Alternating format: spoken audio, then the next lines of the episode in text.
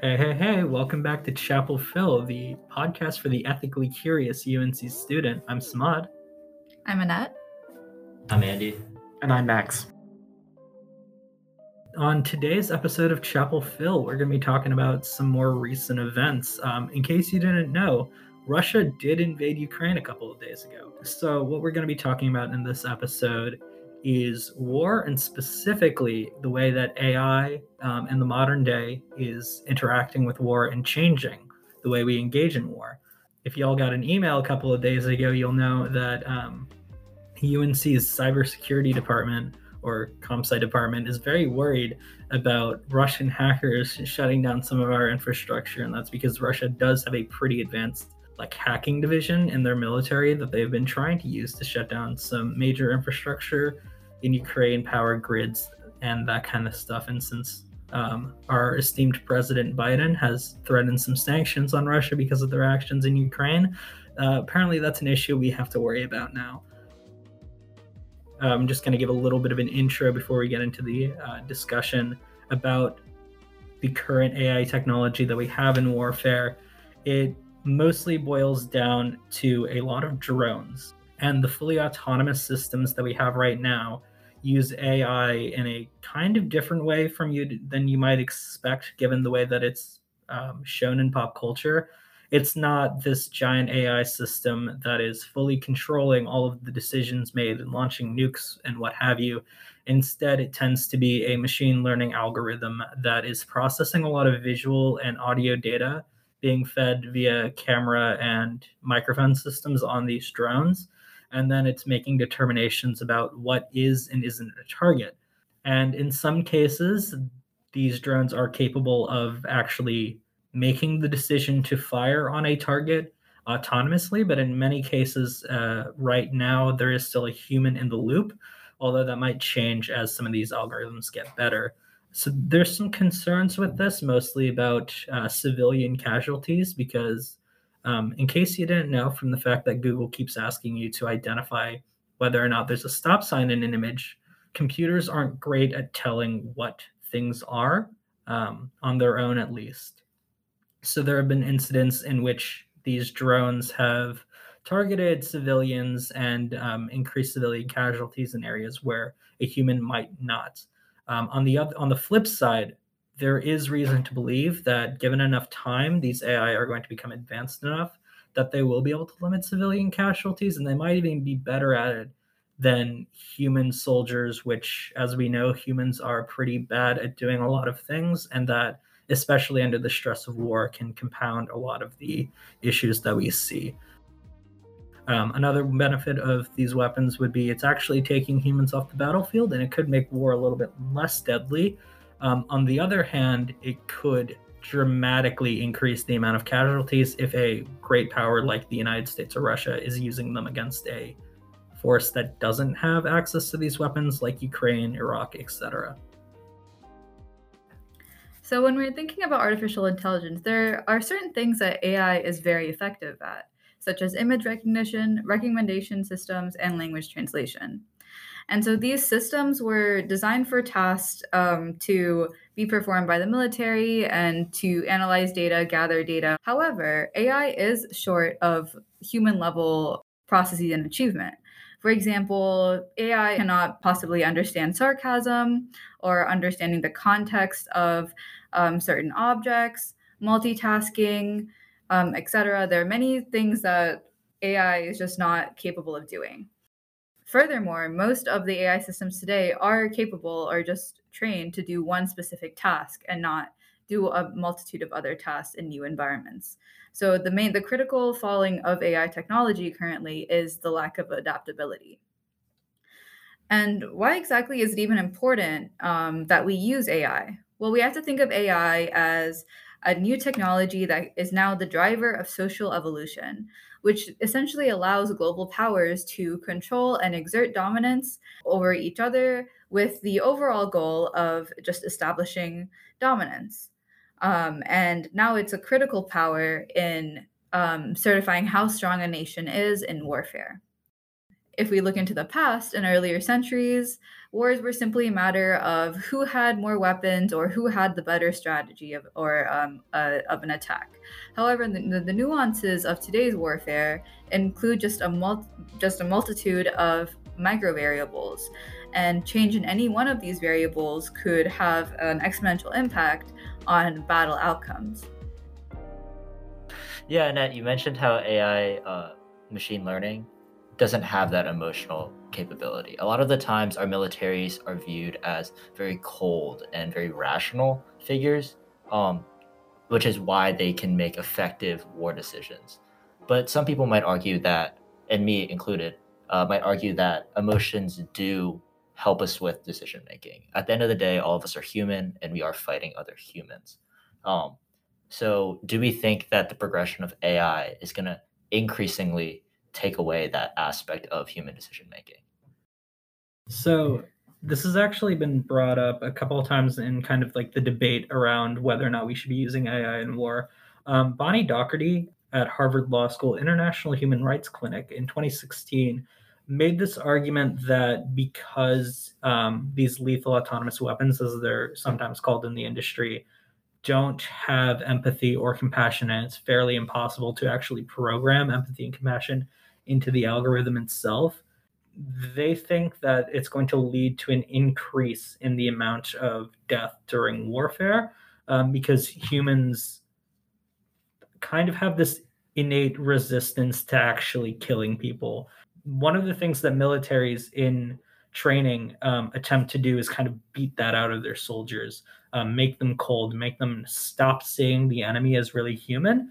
And while that's fairly effective, it's not it's not 100% effective um, the way that it would be in an AI. Um, so, one of the concerns then is that a dictatorial leader who wants to maintain control over their own population or against another population might build these weapons and then kind of use them on their own civilians or the civilians of a different country without any regard for human life or international law and unlike a human army, there's really not much that could stop them um, because a human military, the soldiers might be like, I'm not going to do this anymore. Um, I don't want to murder the civilians, but the AIs don't care. Yeah, and just going along with that, um, AI technology is simply like just binary, right? Like there's just yes and no, and just like pure decision making based on what um, they think is right um, and it's not it doesn't have the cognitive ability that humans have to discern right between wrong um, and to put in their own thoughts into if if what they're doing is ethical or not. And so this is why like at least in terms of military use artificial intelligence would be better used for things such as logistics administration maintenance and most of those like routine activities um, rather than actually making decisions and affecting the lives of civilians.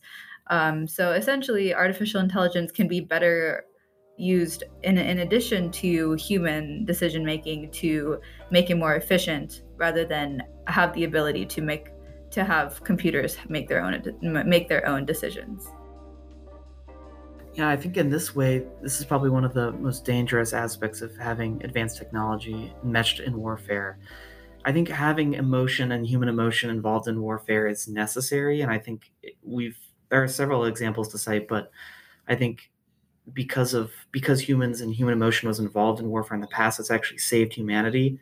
I had to look it up, but Stanislav Petrov, who was a Soviet and the Soviet Air Defense Force, there was a false alarm incident where the Russians thought that the U.S. had launched a nuclear strike in the early '80s, and he had a hunch that something was something was wrong and so he averted launching a new retaliatory nuclear attack, to which the, Soviet attack would have been to nothing because the U.S. was not actually attacking Soviet Union. So things like that, moments like that, tell me that having advanced technology involved in warfare and the reduction of that emotional connection that has played a part in how humans fight since we've begun fighting, it's a da- there's there's a danger. It's a slippery slope, and I think that's why we should exercise a lot of caution.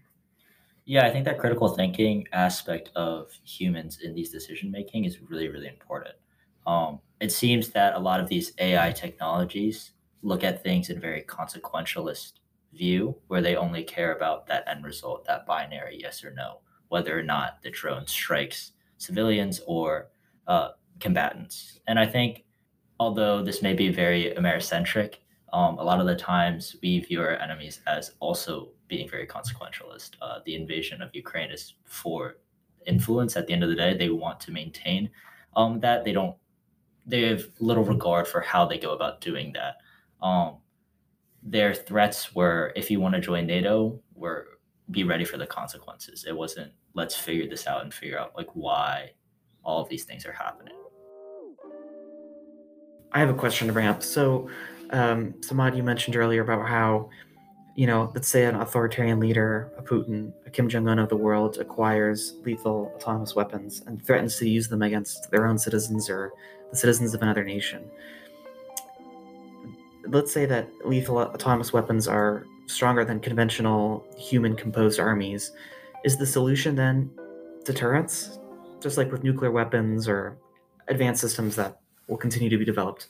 Once something advanced, and an advanced weapon system is developed, the only other solution to fighting that advanced system is to develop the same system. So this is why nuclear weapons have proliferated in China, France, the UK, uh, the U.S., India, Pakistan, Israel, North Korea, etc. All have nuclear weapons because they know that they're going to be able to avo- avoid war or avoid a nuclear strike from an enemy power because they have nuclear weapons. So, do you think that in this case, the only solution to fight fire with fire would be to fight it with fire?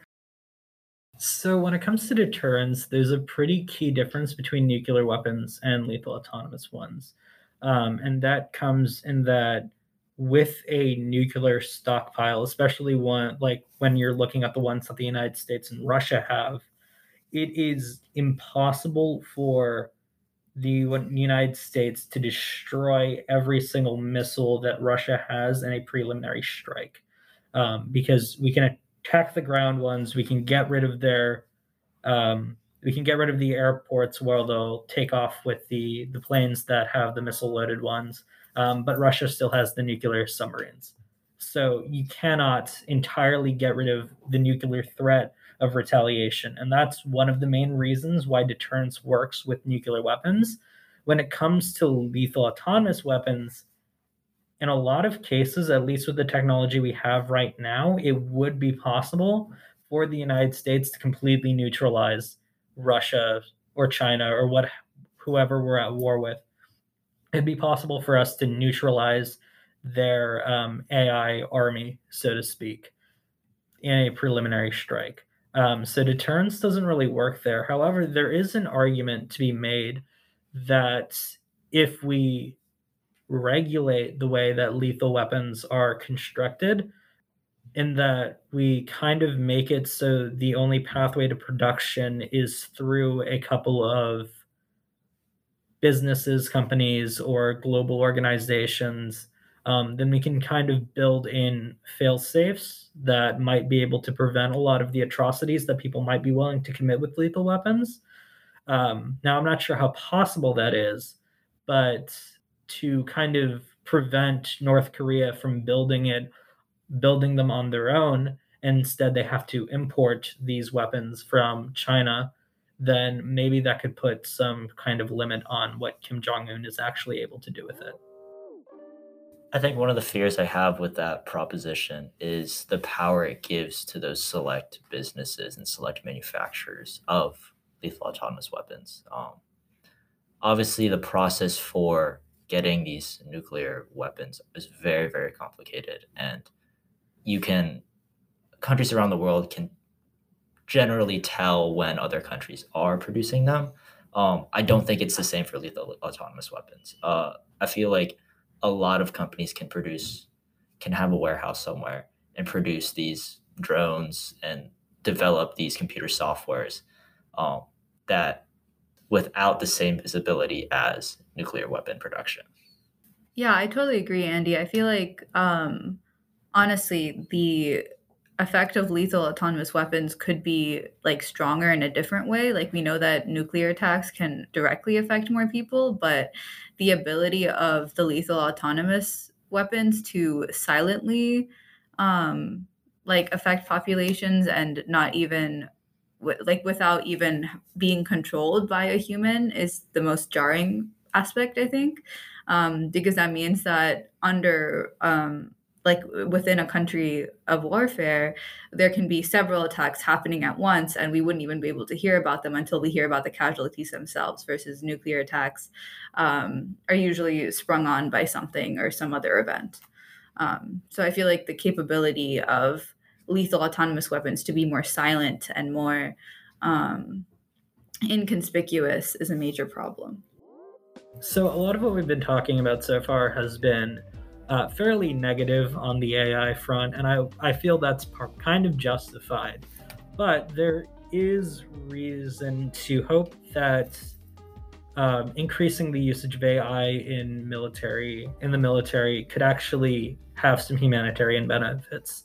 Um, there is some talk from industry experts, including her, Hayley Evans, um, who graduated from Harvard Law School and is now working at the Rights and Security International Foundation. Um, and she explains that there's five ways that civilian casualties might be reduced through the use of these like lethal autonomous weapons um, by incorporating self deactivation mechanisms. So if a one of these weapons enters an area and they realize that there's civilians in the area as well as combatants, with a human soldier, that soldier would probably be forced to engage um, fire if only to like defend themselves whereas an ai or lethal autonomous weapon because it doesn't have a self-preservation instinct um, wouldn't have to. They could stand down self-neutralize um, allow the civilians to get away even if that means like taking fire from the enemy combatant. Um, other things could be helping commanders increase their awareness of civilians sometimes the military and soldiers have a tendency to misidentify um, military aged men as actual enemy combatants, especially in guerrilla warfare, um, the kind we've seen in the war on terror.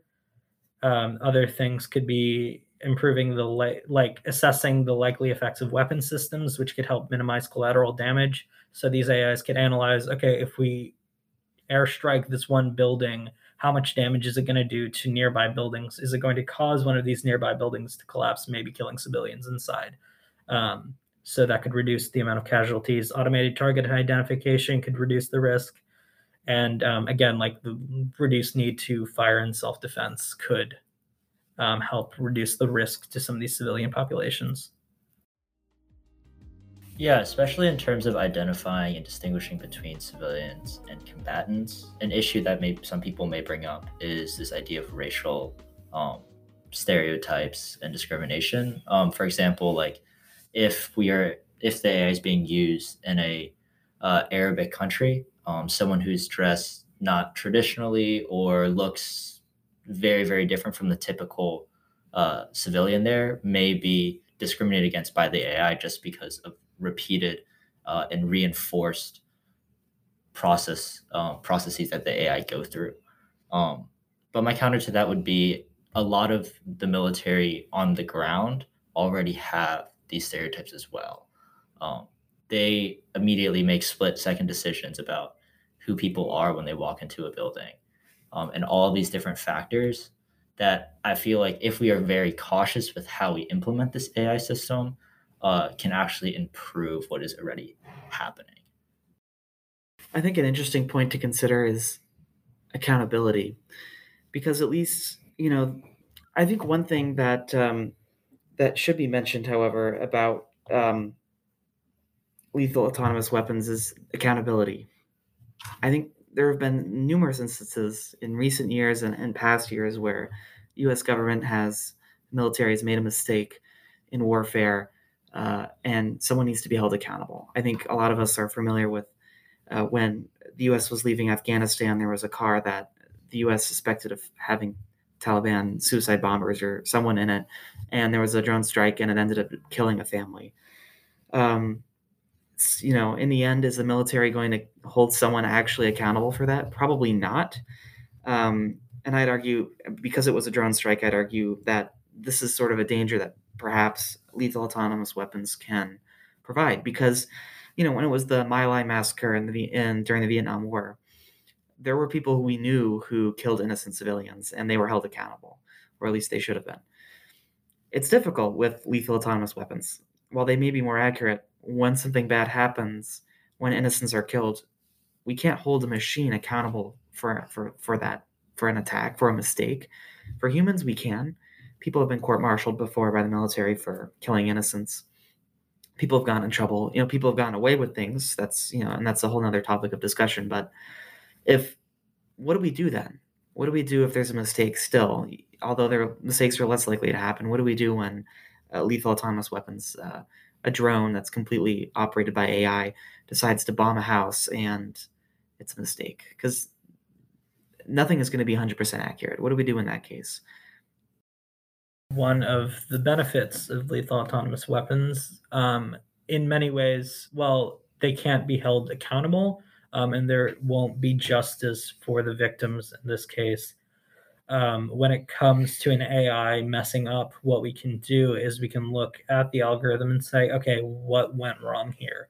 And then we can make changes that we know will fix it. And that's something you can't do with human soldiers. A human soldier kills a civilian.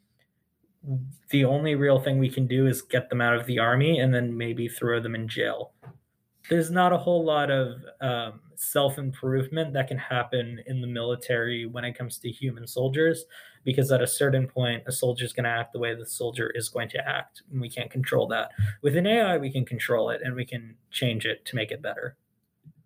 I think this still begs the question of the fact that even AI technology can make mistakes. It may be rare, but um, they certainly can have cause adverse effects um, and um, potentially misjudge a specific area, um, assume that like a certain threat is near when it wasn't, and cause civilian casualties.